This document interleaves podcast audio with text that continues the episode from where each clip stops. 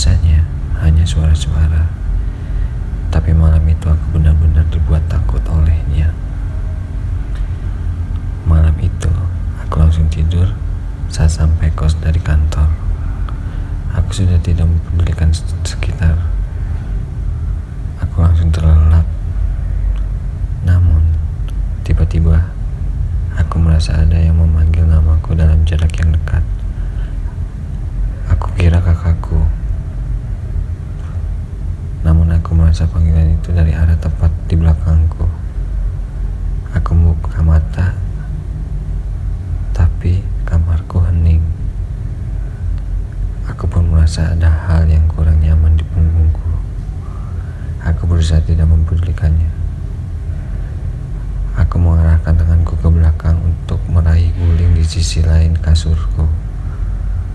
Saat ku pegang, aku merasa memegang tubuh seseorang. Aku panik, ketakutan, tidak berani menengok.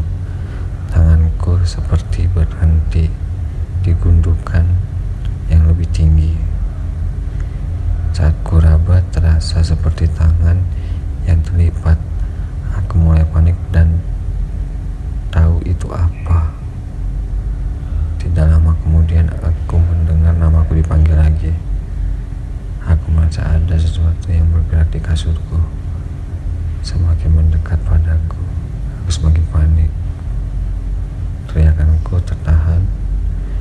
saat dekat dengar bisikan tolong tolong.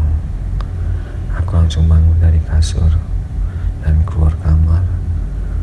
Untung saja saat itu sedang ada pemuda yang nongkrong di depan kosku aku terengah-engah dan menenangkan diri. Malam itu aku numpang tidur di kamar kakak.